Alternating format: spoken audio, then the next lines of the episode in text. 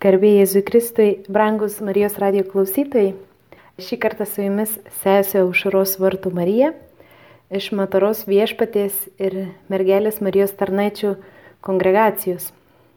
E, labai trumpai prisistatysiu, tai yra misionieriška kongregacija Lietuvoje dirbanti jau daugiau nei 12 metų. Ir būtent šiandien buvo manęs paprašyta iš Marijos radio redakcijos su jumis, brangus klausytojai, pakalbėti tokią temą apie misijas. Kas yra misijos ir kaip mes tai galime geriau suprasti ir perprasti galbūt šitą bažnyčioje egzistuojantį reiškinį. Ar ne, tai bažnyčios iš tikrųjų yra dalis, esminė dalis. Ir visų pirma, norėčiau pakalbėti ne tiek praktiškai ir papasakoti kažkokią istoriją apie misionierius ir jų vykdomą veiklą, ką galbūt galime padaryti šiek tiek vėliau, bet norėjau tokią esminę dalį atskleisti, apie ką mes galbūt kartais nesusimastome. Bažnyčia ir misijos tai yra neatskiriamas dalykas. Kodėl? Ne todėl, kad bažnyčia tik tais vykdo gerus darbus ir, ir tai yra dažnai susijęs su gailestingumu, tiek dvasiniais ar tiek kūniškais gailestingumo darbais, misionierių veikla, ar ne? Bet iš esmės Bažnyčia yra įsteigta Jėzaus Kristaus ir ji yra įsteigta kaip misionieriška bažnyčia. Taigi mes kiekvienas, bet kokiam gyvenimo statusui, kultūrai, šaliai, priklausantis ar save priskiriantis, esame misionieriai iš esmės. Ar ne? Kodėl? Nes taip Dievo sugalvota. Ir būtent galim pasigilinti dar giliau į šį slėpinį.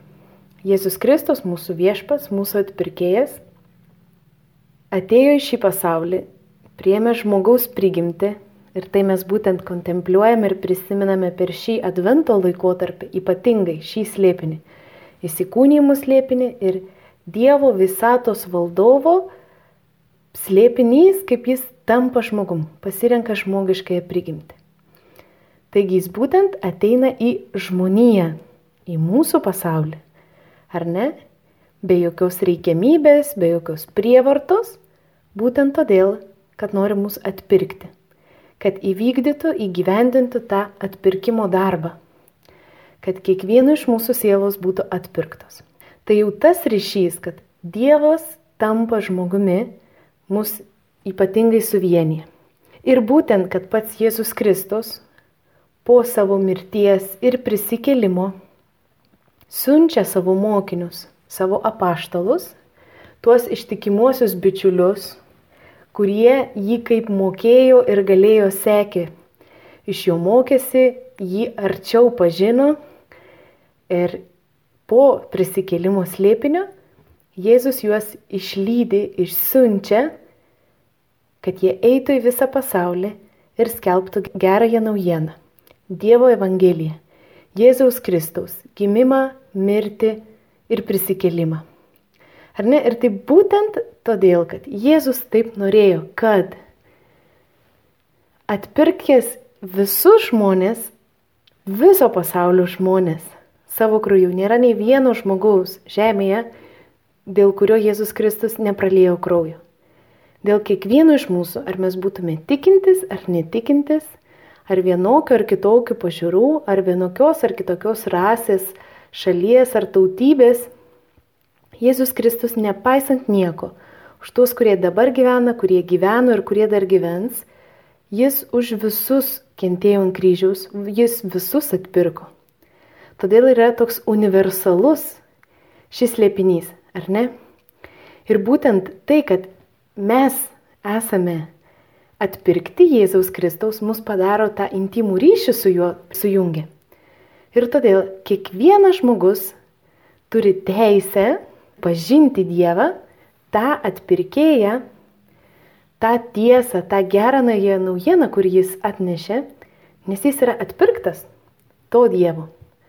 Ir taip pat turi pareigą skelbti tiems, kurie dar jo nepažįsta. Tai būtent tie, kurie nepažįsta Dievo, turi teisę jį pažinti, nes jie yra atpirkti Jėzaus krauju O tie, kurie jau pažįsta, turi taip pat pareigą gilinti savo tikėjimą, gilinti pažinimą Dievą, gilinti meilę, artimą ryšį su Dievu, gyventi pagal jo įsakymus ir taip pat savo gyvenimu ir pavyzdžiu skelbti. Taigi, Jėzus ne tik todėl, kad išsiuntė apaštalus ir mes galbūt dažniausiai, kai kalbame apie misijas, mes ir prisimename tą būtent Evangelijos šventojo rašto vietą, kad Jėzus išsiuntė apaštalus. Jiem patikėdamas, jiem duodamas gali įveikti sakramentus, jiem duodamas gali gydyti, jiem duodamas gali perteikti tai, ką jie išmoko.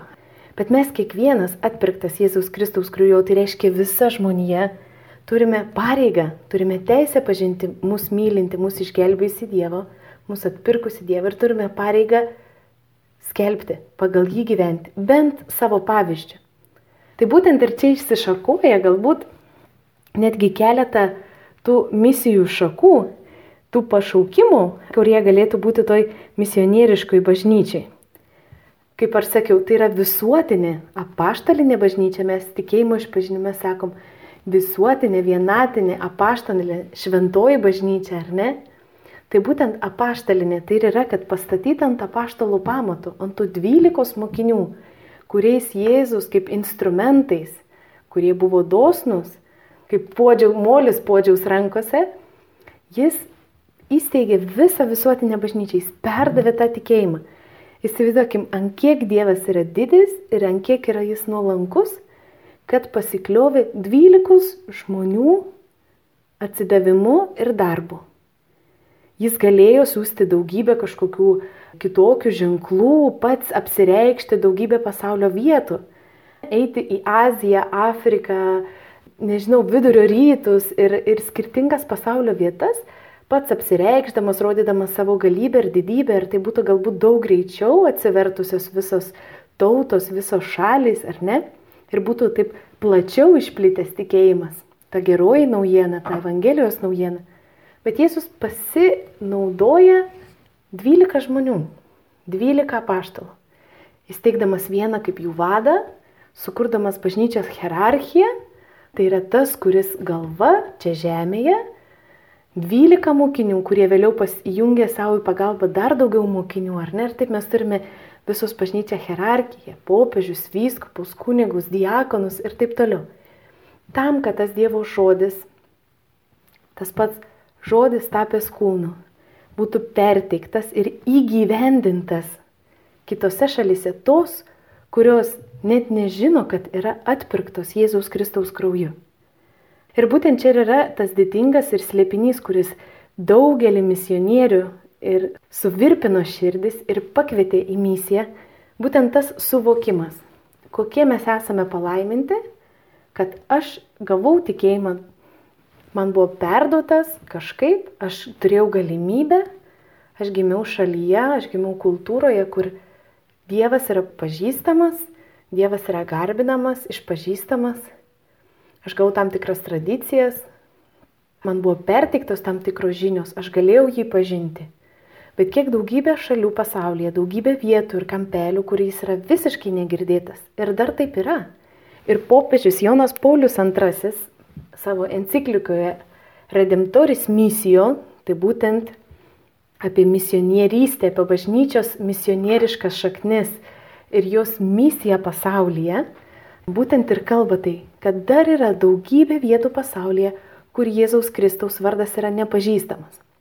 Galbūt mes galime pagalvoti, tai nėra tiesa, nes dabar komunikacijų ir pasaulyje, kur iš tikrųjų yra labai didelė sklaida, bet iš tikrųjų taip nėra, nes mes atrandame daug šalių, daug vietų, kur Jėzus Kristaus vardas dar niekada nebuvo nukeliavęs, jis nėra pažįstamas, jis nėra pažįstamas kaip tikras Dievas ir tikras žmogus ir kiekvieno iš mūsų atpirkėjas. Todėl būtent tas suvokimas, kad pasaulyje nėra visos vietos kaip mūsų.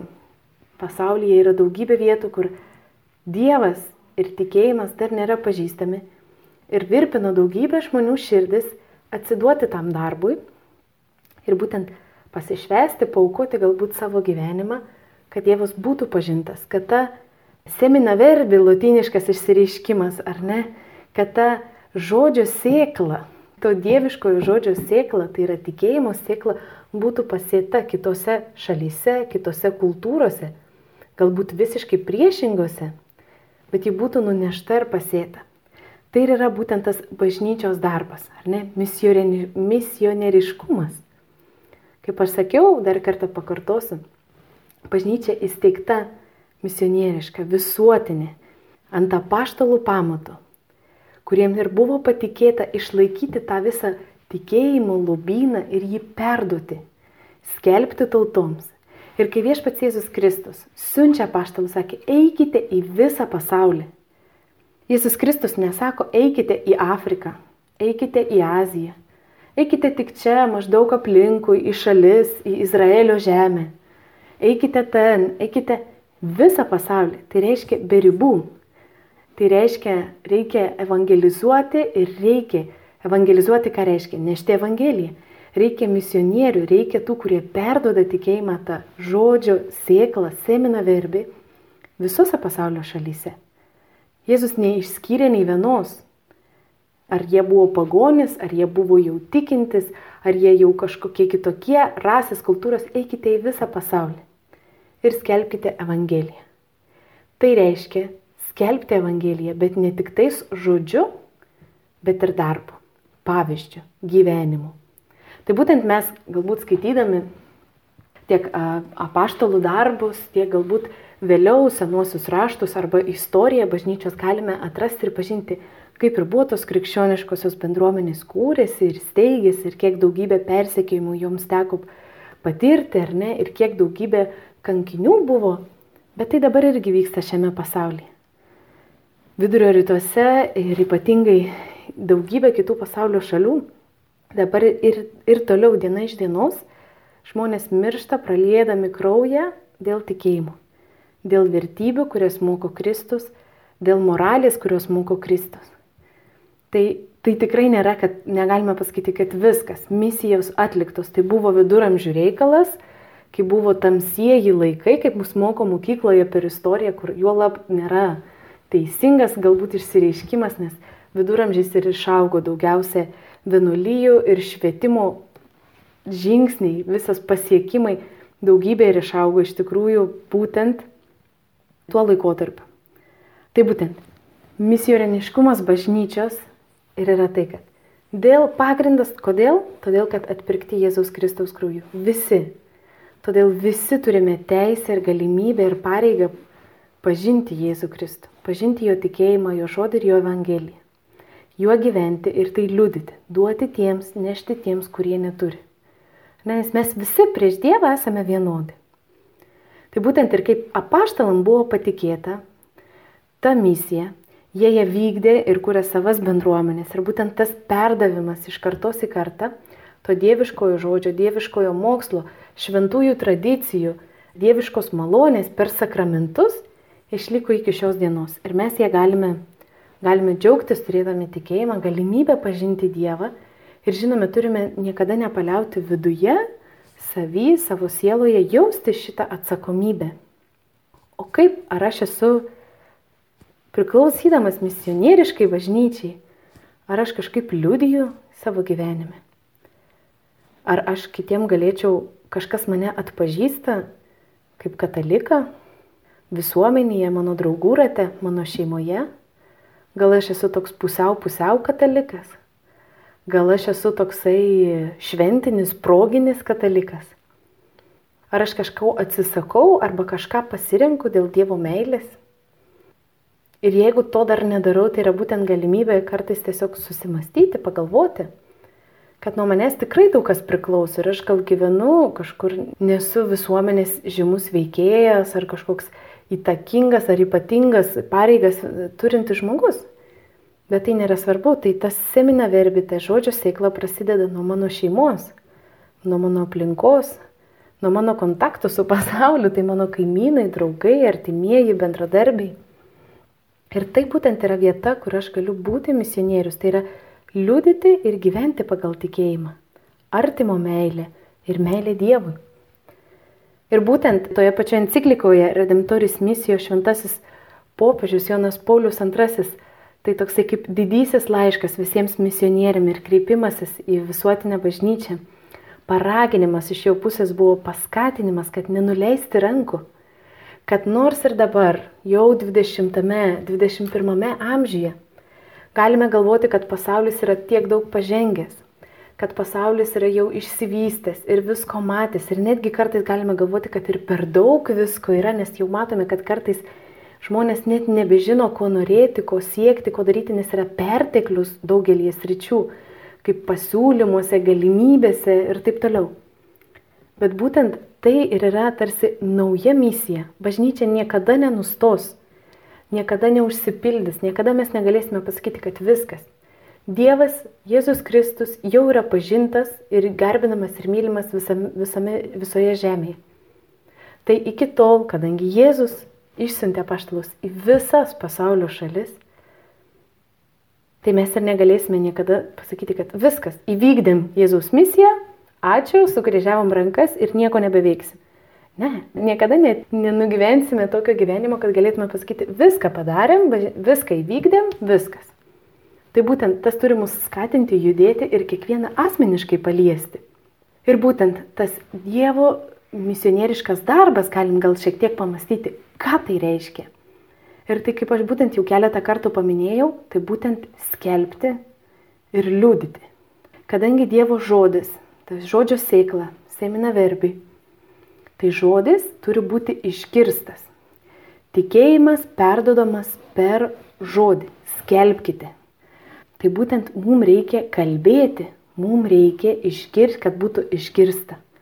Nes tylos, tyla lieka tyla. Jeigu niekas nėra sakoma, niekas ir nebus išgirsta. Todėl būtent reikia skelbti. Bet skelbti žodžiais, tai būtent pasakoti, mokyti, liūdyti. Taip. Ir būtent kai yra Dievas pažintas, nes mes negalime mylėti to, ko nepažįstame. Mes negalime priartinti prie savęs to, ko nežinome aš e, negaliu draugauti, bičiuliautis su žmogumi gyvenančiu kitam pasaulio krašte, jeigu aš su juo neturiu jokio ryšio, jokio kontakto, jokio pokalbio. Jis gyvena ten, aš gyvenu čia, aš net neįsivaizduoju apie jo egzistavimą, jis neįsivaizduoja apie mano egzistavimą.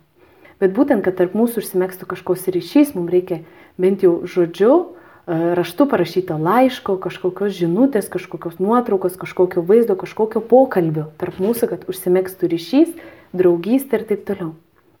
Nors galbūt mus skiria daugybė skirtumų, kilometrų ir kultūros ir, ir, ir kalbų skirtumas, bet mes galime užmėskę tam tikrą ryšį žodžiais, kurti kažkokį ryšį draugystę.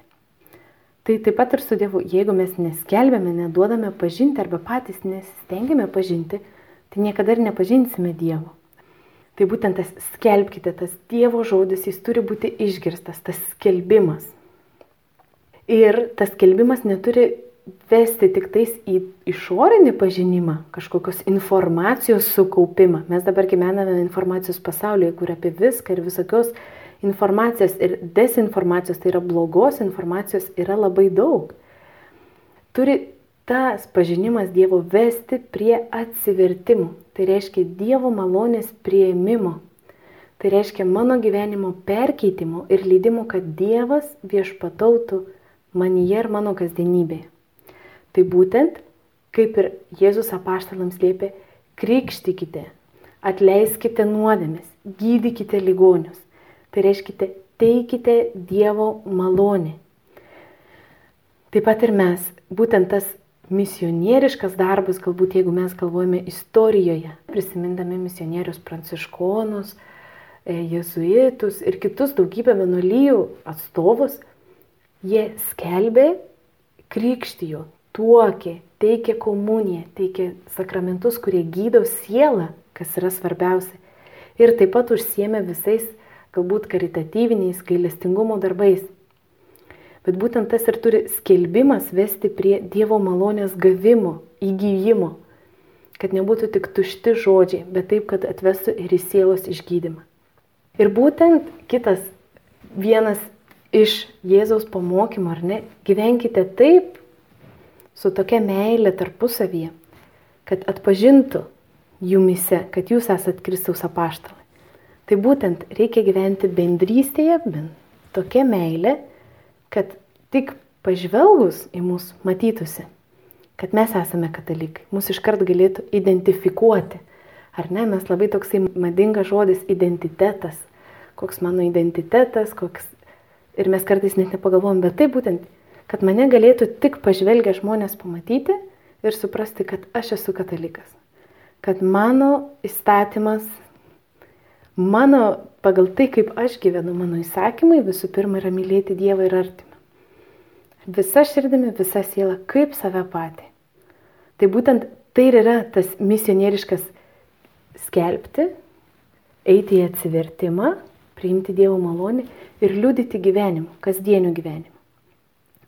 Ir būtent mes kaip pasauliečiai gali visi liudyti savo kasdienybėje, savo šeimoje visų pirma, savo šeimoje, perduoti tas vertybės, jomis vadovautis, jomis gyventi, mokėti atleisti, mokėti mylėti, mokėti pasiaukoti, mokėti melstis, perduoti tikėjimą savo darbe, savo visuomenėje, kažkokiose pareigybėse. Ir galbūt tikrai dalyvauti ir prisijungti prie įvairių akcijų, organizacijų, vykdomos veiklos. Ne, kad būtent ir visuomenėje turėti tam tikrą veiklą. Būti tais mažaisiais misionieriais, tais misionieriais, kurie savo kasdienybę, savo gyvenimu ir savo vertybom liūdija ir skelbia. Bet taip pat galbūt ir šiandien prisimenant įvairius šventuosius ir šventąjį Ksaverą, Taip pat mes galime pagalvoti apie tuos misionierius, kurie tikrai visą palikę keliavo į tas šalis. Ir būtent galbūt apie juos ir iškart galvojame - misionieriai. Tai jie daug labiau pažįstami tokie. Tai būtent, o kodėl? Nes jie visų pirma, ne todėl, kad misionieriai ir dėl tik kelionės, entuzijazmo ar kažkokio didžio dėgymo keliavo į kitus pasaulio šalis. Bet tas jų Dėgymų variklis buvo meilė Jėzui.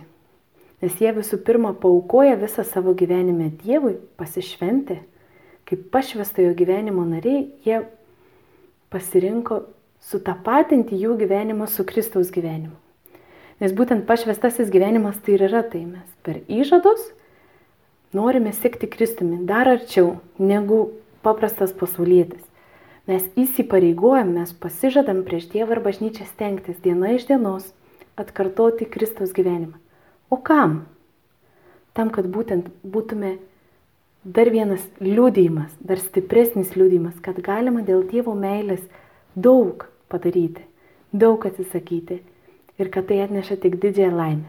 Na ir tai žinoma, čia yra vėl kita tema ir slėpinys, nes Dievas duoda tą ypatingą pašaukimą, tą pašaukimą pašaukime. Mes visi turime pašaukimą į šventumą. O tas pašvestojo gyvenimo pašaukimas tai yra pašaukimas pašaukime. Iš pašaukimo iš šventumo mes gauname ypatingą pašaukimą pasiaukoti, pasišvesti Dievui. Tai būtent tie žmonės, kurie pasišventė Dievui, kai kurie iš jų, ne visos vienuolijos, bet dauguma iš jų turėjo tą ypatingą darbą misionierystę. Ir ką tai reiškia? Tai reiškia, kad žmonės keliavo į kitus pasaulio kraštus ir skelbė Evangeliją. Tai reiškia, jie atkeliavo, paliko savo šalį, paliko savo kultūrą, savo kalbą, gebėjimą būti suprastam ir galbūt skelbti tenai Dievo žodį, bet visko atsisakė dėl to, būtent dėl tos ugnies, kurioje degė, dėl Dievo meilės ir to troškimo, kad visos pasaulio tautos, šalis, žmonės pažintų Dievą, galėtų suvokti, koks yra Dievas didis ir galingas, kuris mūsų atpirko ryždavosi ir vis dar ryštasi, nes misionieriški vienuolynai nenutrūko. Mes ir Lietuvoje jų turime daug, bet visame pasaulyje keliauja į kitą pasaulio kraštą ir užsiema tą misionierišką misiją. Tai reiškia įsikūrė ir taip pat pradeda tuos pačius žingsnius daryti, kur aš ir sakiau, kad ir kiekvienas pasaulietis gali daryti. Skelbė, kviečia į Dievo malonę ir liudyja savo gyvenimu. Ir tai būtent jie tampa tokie ypatingi Dievo atspindžiai, kurie dėl Kristaus paukoja daugybę dalykų, visą save atiduoda į Dievo rankas ir būtent stengiasi, kad tas Dievo žodžio sėkla, semina verbi auktų, ji būtų pasita visame pasaulyje. Nes žinoma, ir čia nereikia parinkti ir palyginti ir tikrai būtų klaidingas dalykas. Jeigu mes pasakytume, kad, ai, tai jeigu pasaulietis gali būti misionierius, nes yra misionieriška bažnyčia ir taip toliau, tai kam reikia tada tų išskirtinių misionierių, tų pašvesto gyvenimo narių, kurie keliauja, negali jie virkšelį gyventi savo šalyje, savo ramiai ir taip toliau. Kam čia rizikuoti, gal bus atstumti. Tai nėra tiesa. Tai nereikia, reikia abiejų. Nes vieniem Dievas duoda vienokį pašaukimą, kitiem kitokį. Ir būtent tai, ką pasauliečiai, kurdami savo šeimą, savo visuomenę, savo valstybę, ant būtent Jėzaus mokslo pagrindo, Jėzus perdoto tikėjimo ir, ir Dievo atskleistų Dievo slėpinių pagrindo gali kurti savo kasdienę visuomenę. O būtent misionieriai yra tie, kurie atneša tas sėklas, kurie pastiprina tą šaltinį, kurie galbūt atskleidžia tam tikrus nesuprantamus dalykus, padeda labiau intimiau pažinti Dievą ir dar labiau liūdija tą visišką atsidavimą Dievo meilį ir iš Dievo meilės. Tai būtent abi misijos, abie, abiejų šakų misijos yra reikalingos. Tiek pasauliečių ir tiek grinai tų pašvestojo gyvenimo narių misionierių misijos. Tai nereiškia, kad tik vienas arba kitas, bet abu yra reikalingi ir norimi Dievo. Nes jei būtų tik misionieriai, jie skelbtų, skelbtų, skelbtų, bet jei niekur neįsišaknytų tą Dievo žodžio sėklą, tada jau būtų tikrai toks bevertis darbas. Tai būtent Taip pat dar galime pagalvoti, kalbant šią temą, kokį didžiulį darbą prisiminti šiek tiek istoriją, ar ne, kokį didžiulį darbą padarė misionieriai. Ir tikrai be jų darbo, to ypatingo, kurie palikė viską keliavo, misionieriai iš senųjų laikų, kaip jezuitai evangelizavo visą Pietų Ameriką, pavyzdžiui, keliavo į Azijos šalis ir daugybė jų net nepasiekdavo savo misijos nes būdavo daugybė ilgos kelionės laivais, peščiomis ir taip toliau. Jie viską atidavė dėl to, kad Dievo žodis būtų perteiktas ir įgyvendintas. Ta Evangelija įgyvendinta, atskleista, ar ne ta geroji naujiena. Kad kiekvienas žmogus galėtų suprasti ir pažinti, ir pamilti tą, kurį juos atpirko. Bet dar iš tikrųjų galime pagalvoti, kad tai nėra tik tais ir neturi būti tik tais, mes galime suprasti, teritorijos atžvilgių, vietą, kur galime misionieriauti. Ar ne, tai nereiškia, kad tik Lietuvoje, Italijoje, Argentinoje, Amerikoje, Kinijoje, Filipinuose ar kažkur, kur Dievas nėra pažintas, reikia misionierių. Bet dabar kartais, apart to žemėlapio ar teritorijų, kur dar yra daugybė šalių, ypatingai galbūt link Azijos ar Okeanijos ar Afrikos, yra dar daugybė šalių ir tautelių, kuriuose nėra pažintas Dievas, kurie vis dar yra pagonybė arba įvairių raganavimas, įvairių dievybių e, susikūrimas, ar ne? Tai ten tikrai dar efektyviai yra reikalinga ta pirmoji evangelizacija. Ir popiežius vėlgi toje enciklikoje Redemptoris misijos ir, ir išskiria, kokios yra misionierystės galbūt žingsniai. Tai būtent ta misijo atgentėm, atgentėm, skaitydami, tai yra būtent eiti į tas pirmoji evangelizacija. Tai keliauti į tas atokias vietas, tas tautas, kuriuose dar niekada nėra pažintas Dievas. Ir ten skelbti, kviesti atsivertimą, ne, auginti bendruomenę, kurti bendruomenę. Taip pat yra dabar jau pasaulyje, mūsų laikuose mes galime pažinti kitą reikalingą e, misijų vietą, tai jau įsikūrusiuose bendruomenėse, gyvenančiose tikinčiųjų bendruomenėse, veikiančiose, turinčiose tam tikrą struktūrą, parapijos veiklą, sakramentų teikimą, kažkokį gyvenimą, juos vis tiek reikia palaikyti, kad nenutrūktų, nes žmonių kartos keičiasi, ar ne? Tai reikia auginti, stiprinti tą kūną, tą stuburą ar netikėjimo, kad jis išliktų. Ir taip pat popiežius Jonas Paulius išskiria tenais dar yra trečiasis, per vidurį esanti pakopa.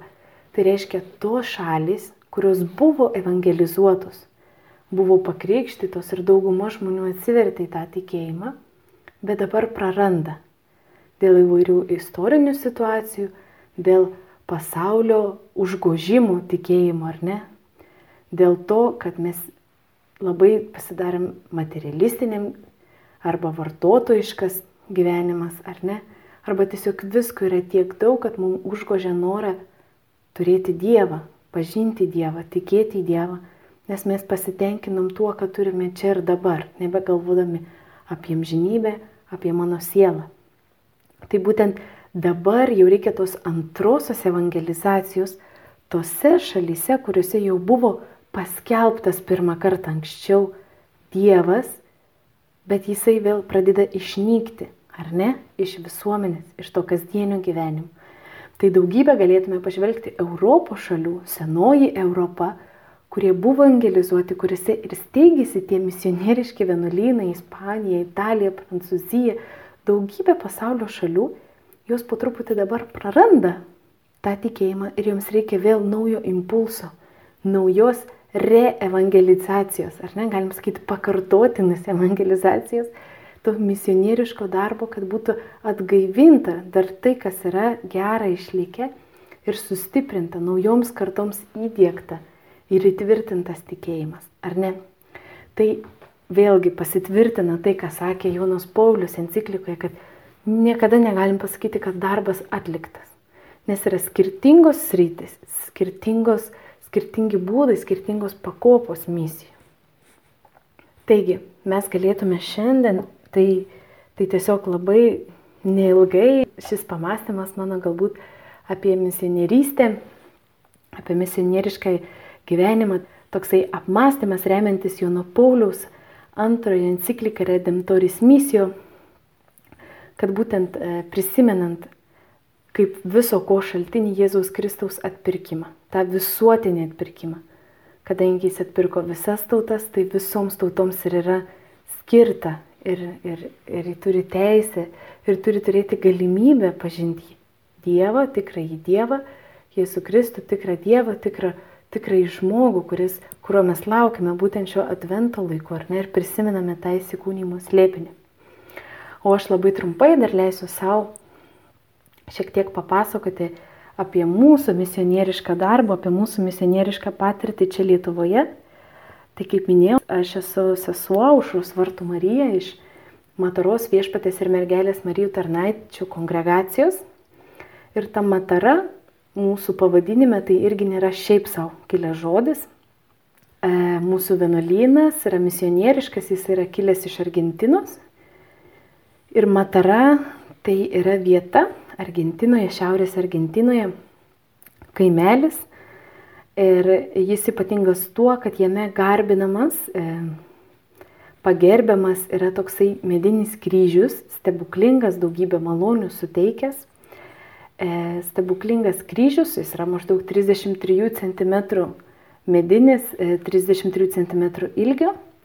Ir jį 16 amžiuje išskoptavo e, vietinis gyventojas indėnas, indėnų rasės, žmogus po to, kai pirmieji misionieriai Pietų Amerikoje, jezuitai, jį mokė, jį katechizavo, jam pasakojo apie Dievą ir apie pagrindinius e, slėpinius mūsų tikėjime, mūsų gyvenime.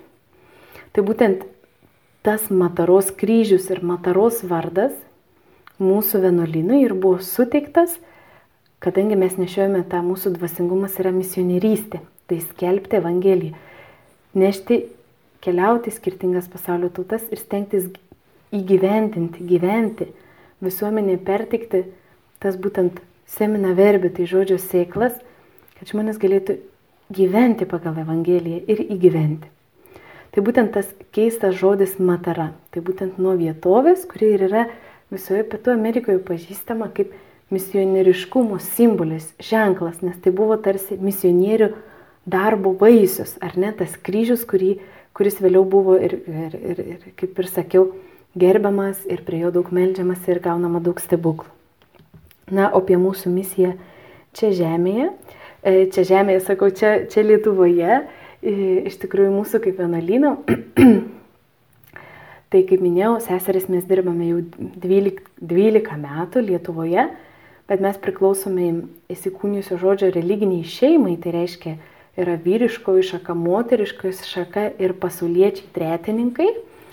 Tai broliai e, atvyko į Lietuvą jau prieš 17 metų ir mes seserys šiek tiek vėliau prisijungėme čia į misiją Lietuvoje. Ir mes būtent e, dirbame parapijoje, Pasvalio rajone, Pumpenuose. Ir mūsų pagrindinis darbas tai būtent diena iš dienos, besidarbuojant parapijoje, ruošiant vaikus katechezijai, turint užsiemimus, burelius, turint jaunimo grupę, dirbant su šeimom, padedant liturgijoje, sakristijoje, kasdienėse parapijos gyvenimo klausimuose liūdyti Kristų ir skelbti. Taigi tas mūsų, mūsų kasdienybė, kiti galbūt galvotų, kad misionieriaus darbas yra tik tais e, sukurti bendruomenę, pastatyti bažnyčią, įsteigti mokyklą, padaryti e, slaugos namus ar taip.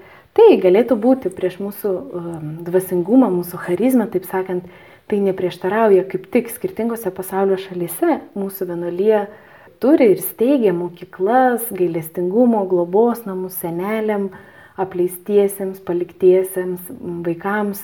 Mūsų broliai ir sesės studijuoja ir moko universitetuose ir taip toliau. Daugybė nėra apribota vienos šakos, vienos rūšės darbų, bet čia Lietuvoje mes tiesiog gyvename ir liūdėjame tam tam parapijos misijoje. Ir iš tikrųjų taip pat E, organizuojame rekolekcijas, e, piligrimystės ir taip toliau. Tai misija vėlgi tokia nėra taisyklė, kad turi būti kažkoks didingas visuomeniai pažįstamas arba kažkaip ryškiai matomas darbas, ar ne? Misionierystė taip pat yra ta kasdienybei, kurioje tu dirbi, kurioje stengiasi, kurioje sėjai tą Dievo žodžio sėklą savo gyvenimu, savo pasiaukojimais E, nes mūsų bendruomenė, pavyzdžiui, aš esu lietuvė, ar ne, o kitos sesės yra iš kitų pasaulio šalių, iš, yra iš Ukrainos ir iš, yra iš Amerikos, tai jos irgi taip pat paliko savo kraštą, paliko savo kalbą, savo kultūrą, savo artimuosius ir atkeliavo į visiškai kitokią, skirtingą šalį ir čia darbuojasi gyvenant dėl Dievo meilės ir dėl to troškimų, kad Dievo pažinimas, kad Dievas būtų pažintas, garbinamas ir mylimas. Tai tie galbūt šiandien viso apie šį misionierystės misiją, bažny, misionierišką bažnyčią ir tas, kas yra galbūt tas misionierius. Tai būtent tas, kuris savo gyvenimu, žodžiu ir darbu skelbė Kristų. Skelbė Kristaus gerąją naujieną, kur geroji naujiena yra pats Kristus. Ar ne? Tai galbūt tiesiog pabaigai palinkėčiau, kad šitas advento laikas ypatingas laikas Tai yra to šilto laukimo laikas, kad mes tiesiog nukreiptume savo mintis ir bandytume įsivaizduoti ir maldoje galbūt kontempliuoti ramiai, savo mąstydami su švento rašto ištraukomis, kaip mergelė Marija laukia Jėzaus. Ar ne? Jinai irgi buvo ta, kuris kelbė e, Kristų, būdama jo motina, negalėjo nu, jo nuslėpti, negalėjo jo jo išsižadėti, jo atsisakyti. Ar ne, jinai yra visų misionierių motina, ta žvaigždė, kuri veda. Tai pagalvokime pas, maldoje, prisiminkime ir įsivaizduokime, kaip mergelė Marija laukia Jėzaus gimimo. Kaip tyliai, ramiai e, laukia to kūdikėlio, kuris turėsis gimti. Ir kaip po gimimo jį globojo ir švelniai glaudė prie savęs ir suteikė visas motinišką meilę ir rūpestį jam tam mažam, negalinčiam pačiam apsiginti, trapiam kūdikėliui, kuris tai yra mūsų Dievas, mūsų išgelbėtojas. Ar ne, tai prašykime mergelės Marijos, kad jinai būtų taip pat mūsų globėja. Taip pat ji būtų ta, kuri mus stiprina mūsų kasdienėse darbuose, mūsų gyvenime, mūsų iššūkiuose, galbūt kažkokioj baimiai, ar rūpestyje, kuriuo mes gyvename, ar galbūt patiriame, bet kad jinai būtų ta žvaigždė, kuri veda. Ta žvaigždė, kuri veda, kuri mus lydi ir glaudžia prie savo krūtinės, kaip tą kūdikėlį Jėzų ir mus šildo, ir mus stiprina, mus maitina, mums duoda, mums duoda gyvybę ir mus priartina prie Jėzus. Tai ačiū visiems e, Marijos radio klausytojams. Tikiuosi bus naudingas šis mano pamastymas apie apie misiją, bažnyčios misiją ir misionierišką gyvenimą, misionierišką misiją. Tad Dievo palaimos Mėly Marijos radio klausytojai apie misijų prasme mūsų gyvenime pasakojo sesuo Aušros vartų Marija Gedzevičiūtė iš Mataros viešpaties ir mergelės Marijos tarnaičių seserų kongregacijos. Likite su Marijos radiju.